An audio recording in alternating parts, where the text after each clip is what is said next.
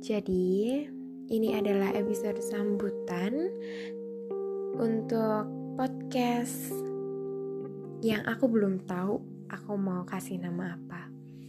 Tapi kalau suatu saat kamu berhasil untuk menemukan podcast ini dan sekiranya kamu merasa kenal, kira-kira siapa sih yang ada di balik podcast ini? Kayaknya kok suaranya familiar banget.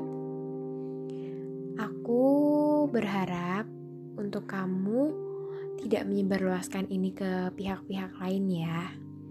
Karena sejatinya podcast ini adalah salah satu ranah pribadiku.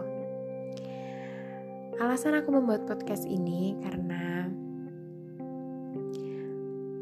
aku ingin untuk meluapkan atau membagikan hal-hal yang tidak bisa aku bagikan ke banyak orang dan dengan besar harapan, jika suatu saat aku berada di situasi yang sama atau di perasaan yang sama, aku bisa mendengarkan podcast ini dan aku bisa menemukan jawabanku melalui episode-episode yang akan ada di podcast ini.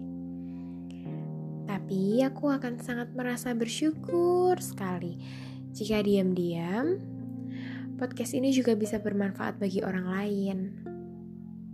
Dan meskipun aku berharap agar kamu tidak menyebarluaskan podcast ini ke orang-orang lain, aku akan sangat merasa senang dan menyambut dengan bahagia jika kamu mengabarkan kalau berhasil menemukan aku di sini.